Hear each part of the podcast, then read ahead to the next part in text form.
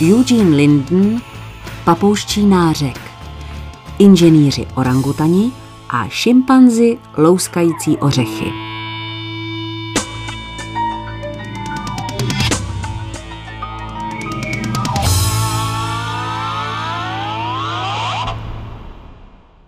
Stále ještě není jasné, kam máme v panteonu vyšších mentálních schopností zařadit nástroje a jejich výrobu.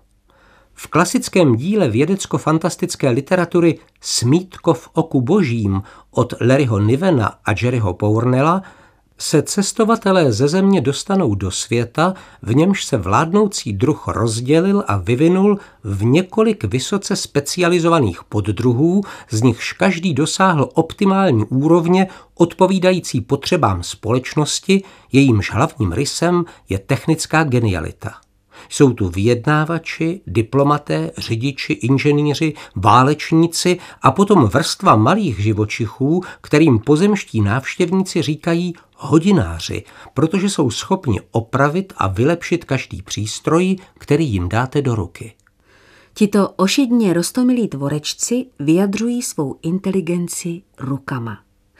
Tato kniha provokuje zajímavé úvahy o povaze techniky. Je homo faber, člověk řemeslník, předchůdcem homo sapiens, člověka myslitele, nebo tyto dvě schopnosti vznikají současně. Existují předchůdci a obdoby lidské hmotné kultury u jiných živočichů? A mohou, jako ve fiktivním případě hodinářů, mít někteří tvorové velké technické nadání, aniž jim byla dána schopnost řeči a jiné vyšší mentální schopnosti nejdovednějšího výrobce a uživatele nástrojů na světě? Lidoopy zřejmě pochopili, jak kombinováním předmětů ve svém okolí dosáhnout nějakého cíle. Už ve 30. letech 20. století bylo dokázáno, že lidoopy přijdou na to, že postavením dvou krabic na sebe získají stupínek dost vysoký, aby dosáhli na něco, co bylo mimo jejich dosah, když stáli jen na jedné krabici. Ošetřovatelé zoologických zahrad na celém světě pozorovali orangutany a jiné velké lidoopy, jak stavějí na sebe barely, budují mosty sklád a používají nejrůznější pomůcky k útěkům. V zoo Woodland Park natáhli kolem stromů v gorelím výběhu, které zvířata ničila, dráty slabě nabité elektřinou.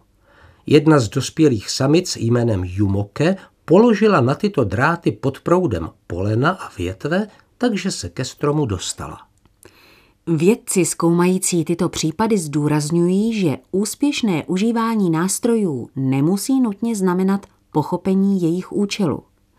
Zvíře může dosáhnout určitého zdaru při užívání nástrojů pouhým slepým napodobováním činnosti druhých podle jednoduchého pravidla dělej to jako on.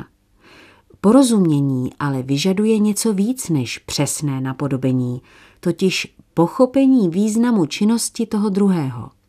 Orangutaní samec Stavan se postaral o komický příklad napodobení svým pokusem uvést do chodu příruční vysílačku svých ošetřovatelů. Je docela možné, že kdyby měl trpělivý orangutan dost času, přišel by na to, jak se s přístrojem zachází. Ovšem s mluvením do vysílačky by to bylo horší. V případě orangutana by to chtělo ještě pár milionů let vývoje nebo vynález řečového syntetizátoru. Část Tavanova umění, jak vyrábět nástroje a užívat jich, nesloužila jinému účelu než vlastnímu pobavení a pozlobení ošetřovatele. Více než půl metru nad drátěným stropem jeho klece bylo několik zářivek, jejich škryty byly upevněny křídlatými maticemi. Tavan si v kleci ulomil kus ocelové tyče, prostrčil ji drátěným pletivem a odšrouboval křídlaté matice. Když se na scéně objevila jedna z ošetřovatelek a zakřičela, aby toho nechal, Tavan s alotriemi okamžitě přestal. Potom ošetřovatelka odešla pro posily a když se vrátila, stál Tavan v kleci jako beránek s elektrickým kabelem od svítidel přehozeným přes rameno. Nezbylo, než aby elektrikáři umístili zářivky výše a odstranili křídlaté matice. Jedna ze záhad souvisejících s orangutany se týká otázky, proč tak málo známek svědčí o tom, že by tato zvířata v zajetí tak skvěle zacházející s nástroji ve volné přírodě nástrojů a materiální kultury užívala. Je ale možné, že v divočině se orangutani uchylují k nástrojům častěji, než bylo dosud zaznamenáno. V zajetí orangutani zacházejí s nástroji podstatně jiným způsobem než jiná zvířata, ba i než jiní lidoopy. Orangutani, zejména samci, používají rtu tam, kde jiní velcí lidoopy zaměstnávají ruce. Serty a jazykem pracují mnohem obratněji než lidé. Pro orangutana je hračkou dát do úst stopku od třešně a udělat na ní uzel. Orangutan vezme do tlamy jablko, chvíli je tam obrací a pak vyplivne celou slupku. Naproti tomu jsou ruce dospělého orangutana prostě příliš veliké na mnohé úkoly přiměřené prstům lidským. Lidé jsou dvounožci a velké svaly mají v nohou. Orangutani stráví valnou část života na stromech a zátěž pohybu připadá na jejich ruce. Úžasně veliké a silné. Nemusíte se ani trmácet do divočiny na Borneu, abyste se přesvědčili o tom, že zvířata vyrábějí nástroje a využívají je i v přírodě. Racek popadne u litu s měkýšem, zaletí nad útes a upustí ji, aby skořápku rozbil. Bezpočet zvířat buduje zobáky, tlapami, rukama a klepety různé stavby. Lemčíci staví ptačí pavilony – Termitiště jsou hotové architektonické zázraky, pokud jde o udržování stále teploty v jejich nitru v souvislosti s krajními teplotními výkyvy v africké stepy. V deštných lesích jsou dokonce mravenci, kteří se věnují zemědělství. Rozkousávají listy, zatahují je do mraveniště a jako na kompostu na nich pěstují houby. Tito mravenci mají také jakousi obdobu dobytkářství, chovají totiž mšice kvůli jejich nektaru. Je sice sotva zapotřebí se odvolávat na vědomí, abychom vysvětlili mravenčí stavitelství a zemědělství, ale pravděpodobnější, neli nezbytné, je sebeuvědomění, jde-li o materiální kulturu některých vyšších savců. V lese Tají na pobřeží Slonoviny jsem viděl strom s opěrnými kořeny, okolo kterého se válely velmi opotřebované dřevěné nástroje a spousty ořechových skořápek.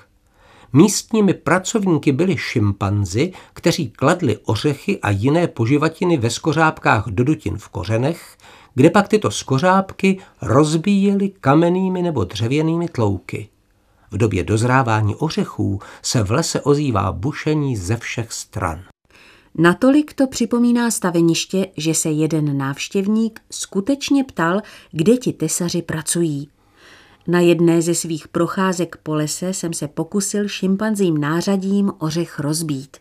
Použil jsem kamene s úchytem pro obě ruce, ale udělal jsem chybu. Nejdřív tím, že jsem vybraný ořech položil do díry příliš hluboké a potom jsem sice měl správný ořech ve správné díře, ale udeřil jsem tak silně, až jsem jádro rozdrtil. Šimpanz by se takových chyb nedopustil. Šimpanzice, která učila svého syna louskat ořechy, položila ořech na kovadlinu a tlouk nechala ležet vedle, aby se ho mladý šimpanz mohl chopit. Matka která jednou syna zastavila, když se chystal uhodit do ořechu špatně umístěného, vyčistila rukou kovadlinu a potom správně položila ořech, aby do něj mohl potomek bouchnout. Za velmi inteligentní tvory jsou považováni i delfíni. Je možné, že i když jsou delfíni 40 milionů let oddělení od života na poušti, vytvořila příroda pozoruhodně podobné vyšší mentální schopnosti útvorů, kteří se vyvíjeli v naprosto odlišných podmínkách? Pokud ano, kolik jiných inteligentních bytostí přišlo a odešlo, nebo ještě někde existuje? Jestliže příroda může vytvořit inteligenci najednou, učinila to v případě hominidů před několika málo miliony let, snad to učinila mnohokrát u mnoha tvorů.